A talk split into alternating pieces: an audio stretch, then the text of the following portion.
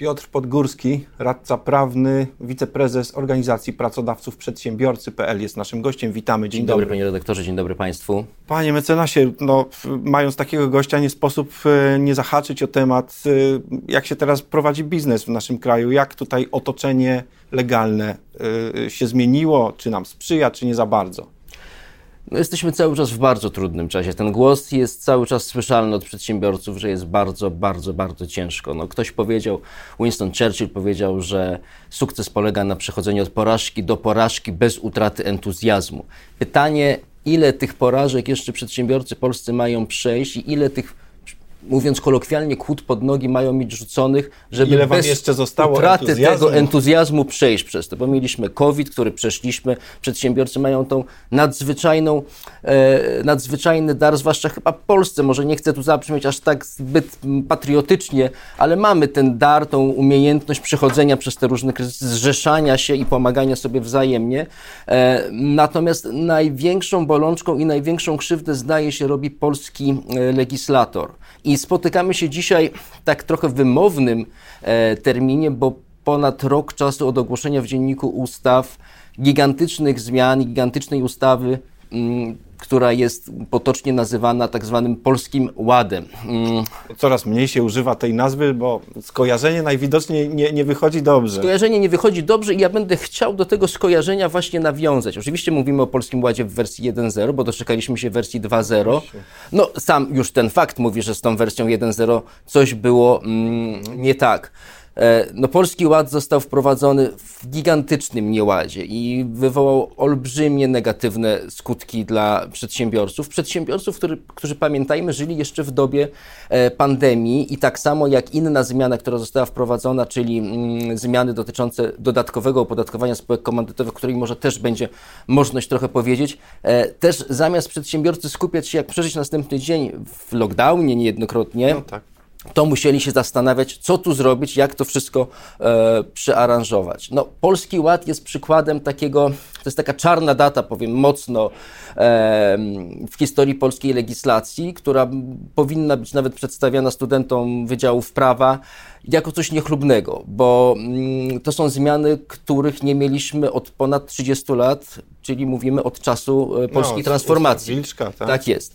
E, więc robienie tego na hura, bo gdzieś tam kiedyś ktoś, jakiś mamy wyrok Trybunału Konstytucyjnego, który mówi, że powinno być miesięczne vacatio legis od momentu mm, ogłoszenia ustawy podatkowej, więc wszystko wrzucamy na hura do 30 listopada, no bo wiadomo, że ustawy podatkowe to na ogół wypadałoby, żeby od nowego roku obowiązywały, żeby zachować to miesięczne vacatio legis. No nie tędy droga.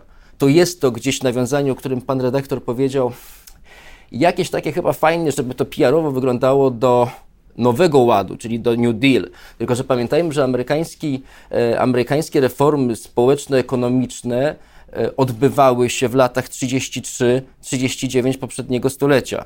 Sześć lat. Trwały one tak? kilka ładnych lat. Tutaj wszystko się odbyło bez poszanowania dialogu społecznego. Ten dialog społeczny jakiś był, ale to wszystko było bardzo chaotycznie zrobione. To my bardzo mocno apelowaliśmy, że co najmniej roczne vacatio legis dla no Polskiego no Ładu. Minął rok od tego czasu. Jak dzisiaj wygląda sytuacja polskich przedsiębiorców? Odczuli te zmiany wynikające z Polskiego Ładu? Mm, odczuli. E, na szczęście jakieś poprawki zostały w połowie mm, zaproponowane i wprowadzone, czyli ten Polski Ład 2.0. E, natomiast wszyscy stali przed takim dylematem, no, którą opcję wybrać, czy to będzie dla mnie lepsze, czy tamto będzie dla mnie lepsze. No mówię, Tutaj bardzo też y, duża krzywda, która została wyrządzona, no to nieposzanowanie takiego, takich zasad fair play. Mhm. Nie zmienia się reguł gry w trakcie gry. Mhm. Poszanowanie pewności biznesu, nie mówiąc już o podstawowej zasadzie, która moim zdaniem trochę została naruszona, a mianowicie zasadzie, mm, zasadzie poszanowania praw nabytych. Aha. Bo Polski Ład, no chociażby dwa przykłady, nie wchodząc jakby w jakieś, w jakieś szczegóły, ale mamy na przykład kwestię wykupu y, samochodów leasingowych, która, która to nam się sprawa szalenie, diametralnie zmieniło, zmieniło oczywiście, bo ja przecież jak leasingowałem samochód, czy inny przedsiębiorca wcześniej, no miałem zasady jakieś. Ktoś mi powiedział, że e, na takich zasadach będzie później wykup e, i ewentualnie sprzedaż. Po takim okresie e, nie muszę płacić podatku No dochodowego. właśnie. To zostało Aż diametralnie zmienione. zmiana, to, tak. samo, to samo z mieszkaniami wykorzystywanymi na cele biznesowe i amortyzacją e, tychże, tychże mieszkań. No też bardzo duża zmiana. To vacatio legis jest taką rzeczą świętą tak naprawdę, bo to em, pozwala nam poznać przede wszystkim e, nowy porządek prawny, przeanalizować, jak moje struktury pozwalają na wprowadzenie tego i czy ja muszę jako przedsiębiorca e, coś zmienić, żeby, żeby, żeby mi było dobrze i, i, i żebym na tym gigantycznie nie stracił. Mamy prawie 80 ustaw w tamtym roku, panie redaktorze, które dotyczyły spraw gospodarczych. Średnie vacatio legis wynosi ponad 30 dni. Zresztą raport na ten temat e, publikowała również Rzeczpospolita, tak, jest, to prawda? właśnie u nas jest Tak. na naszych łamach. Panie mecenasie, no dobrze, y, już nie jesteście zaskakiwani, zdaje mi się, takim y, vacatio legis krótkim. W tym sensie nie jesteście zaskakiwani, że można powiedzieć, że już to jest taki ponury standard. Tak. Właściwie, no, tylko czy można się z tym pogodzić? Ciężko jest się z tym pogodzić. Yy, No, nie mamy, mamy bardzo dużo projektów e, poselskich, nierządowych. No, z tej też racji, że poselski projekt no, nie wymaga konsultacji w ramach RDS-u. Ten Podobno to się musi zmienić, To podobno- Mhm. bo kamienie milowe y, przedstawione nam przez Brukselę wymagają Tak jeden z nich, aby, a, aby już odejść od tej praktyki rzeczywiście niekorzystnej, nie tylko przecież dla przedsiębiorców. Tak. Tylko jakoś nie słychać, żeby to się zmieniało. Dlaczego, jak pan myśli? No paradoks w ogóle polega na tym, że, że pewne ustawy, tak, nawet tak gigantyczne jak Polski Ład, nawet tak daleko idące jak te opodatkowanie spółek komandytowych, bo proszę mi wierzyć, w naszej organizacji, samej naszej organizacji pracodawców i w ogóle e, ogólnie jest bardzo dużo przedsiębiorców, którzy działali na, powiedzmy kolokwialnie, na silniku spółki komandytowej. I u nas naprawdę bardzo dużo, bardzo dużych e, przedsiębiorców zastanawiało się w dobie lockdownu, jak przeżyć dzień następny i dzień dzisiejszy, a e, później zastanawiało się, czy ja muszę przekształcić się w inny, w inny podmiot e, praw i obowiązków, Jasne. czy też ja muszę zlikwidować tą spółkę e, komandytową, bo taki dostałem e, prezent e, podrzucony. No, jak wynika z już informacji, jakie zebraliście po fakcie, jak wielu się przekształciło? Znam bardzo jeden, bardzo duży podmiot, nie chcę używać nazwy, no jest to producent, można powiedzieć, e, koszy, które znajdujemy dzisiaj Aha. w przeciętnym e, supermarkecie, markecie. E, Ten podmiot, bardzo duży podmiot zatrudniający bardzo dużo osób, e, stanął przed, przed ścianą i, i, i stanął przed dylematem przekształcenia się i de facto, i de jure zresztą też przekształcił się mm, ze spółki komandytowej w, w spółkę ZO. No to była taka mm, próba, oczywiście to był legalny twór spółek tak zwanych hybrydowych, spółek ZO, spółka, spółka ZO, spółka komandytowa, gdzie w spółce komandytowej komplementariuszem jest e, e, spółka ZO, no ale i, i, jakby no to była taka próba zniechęcenia przedsiębiorcy do tej hybrydowej, em, do tej hybrydowej struktury, no bo ta hybrydowa struktura w pewnym sensie no, po, powoduje to, że ta odpowiedzialność w spółce komandytowej em, jest po stronie głównego komplem- komplementariusza, który jest spółką, spółką ZO, a nie osobą fizyczną.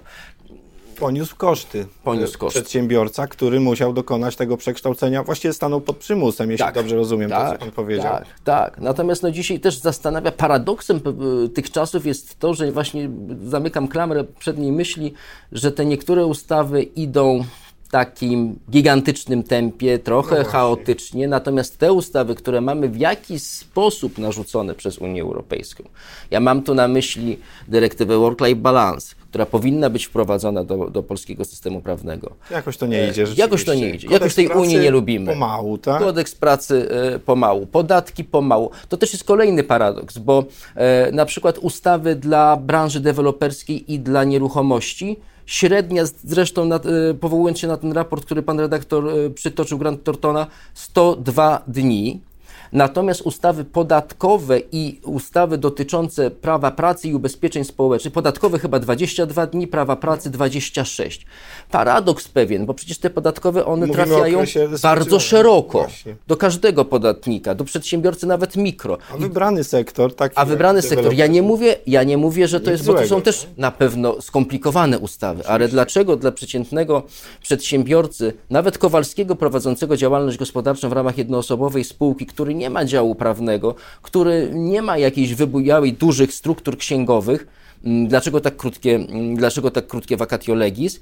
Zresztą te księgowe i te biura księgowe także stają dzisiaj przed, stawały przed gigantycznymi problemami, bo nikt nie wiedział, jak niektóre przepisy interpretować. Ale ustawodawca, zwany też racjonalnym Racjonalnym. ustawodawcą, niektórzy twierdzą, że to dla niepoznaki, uważa, że tak jest dobrze. Tak. No Dlaczego? jest, to, jest to dla nas y, niezrozumiałe. No kolejne projekty, które też czekają, które aż się proszą. No, y, y, ta ustawa wiatrakowa H10, no ona nawet jest gdzieś projekt, on nie trafia jeszcze pod, y, pod pracę. Kolejny kamień milowy. Kolejny kamień milowy, prawda? Może to jest jednak ta linia, panie mecenasie? Wolałbym unikać tych e, politycznych wątków. Gdzieś rzeczywiście no, budzi to duże, duże znaki zapytania. E, jeżeli my nie wypełnimy tych kamieni milowych, e, nie dostaniemy tych pieniędzy z KPO, no niestety, no nie jest tak, jak um, uważa premier Morawiecki. Powiem już um, to, że, że, że, że to nie są tak naprawdę jakieś tam duże pieniądze. Są bardzo duże pieniądze, które rzeczywiście powodują to, że my e, musimy być e, zaktualizowani w tych czasach, jeżeli chodzi o biznes. Biznes, który goni na świecie, biznes, który uderza w robotykę, który uderza w sztuczną inteligencję, który tak naprawdę potrzebuje innowacyjnych rozwiązań. E, nie możemy pozostawiać w, w tyle. No, nie jest chyba do końca tak, jak mówi prezes Banku Centralnego, że sami sobie te pieniądze znajdziemy i świetnie poradzimy, tak? No tak niestety nie jest. No. Chyba musimy tu postawić kropkę. Mamy nadzieję, że ktoś to usłyszy. Mamy nadzieję, że tych porażek będzie mniej, a entuzjazm wśród przedsiębiorców, parafrazując dalej słowa Winstona Churchilla, będzie cały czas duży i będziemy jakoś stawiać temu czoło. Oby. Wszystkiego dobrego. Dziękujemy za spotkanie. dziękuję Piotr bardzo. Podgórski, radca prawny, wiceprezes Organizacji Pracodawców Przedsiębiorcy.pl był naszym gościem. Dziękujemy. Dziękuję pięknie.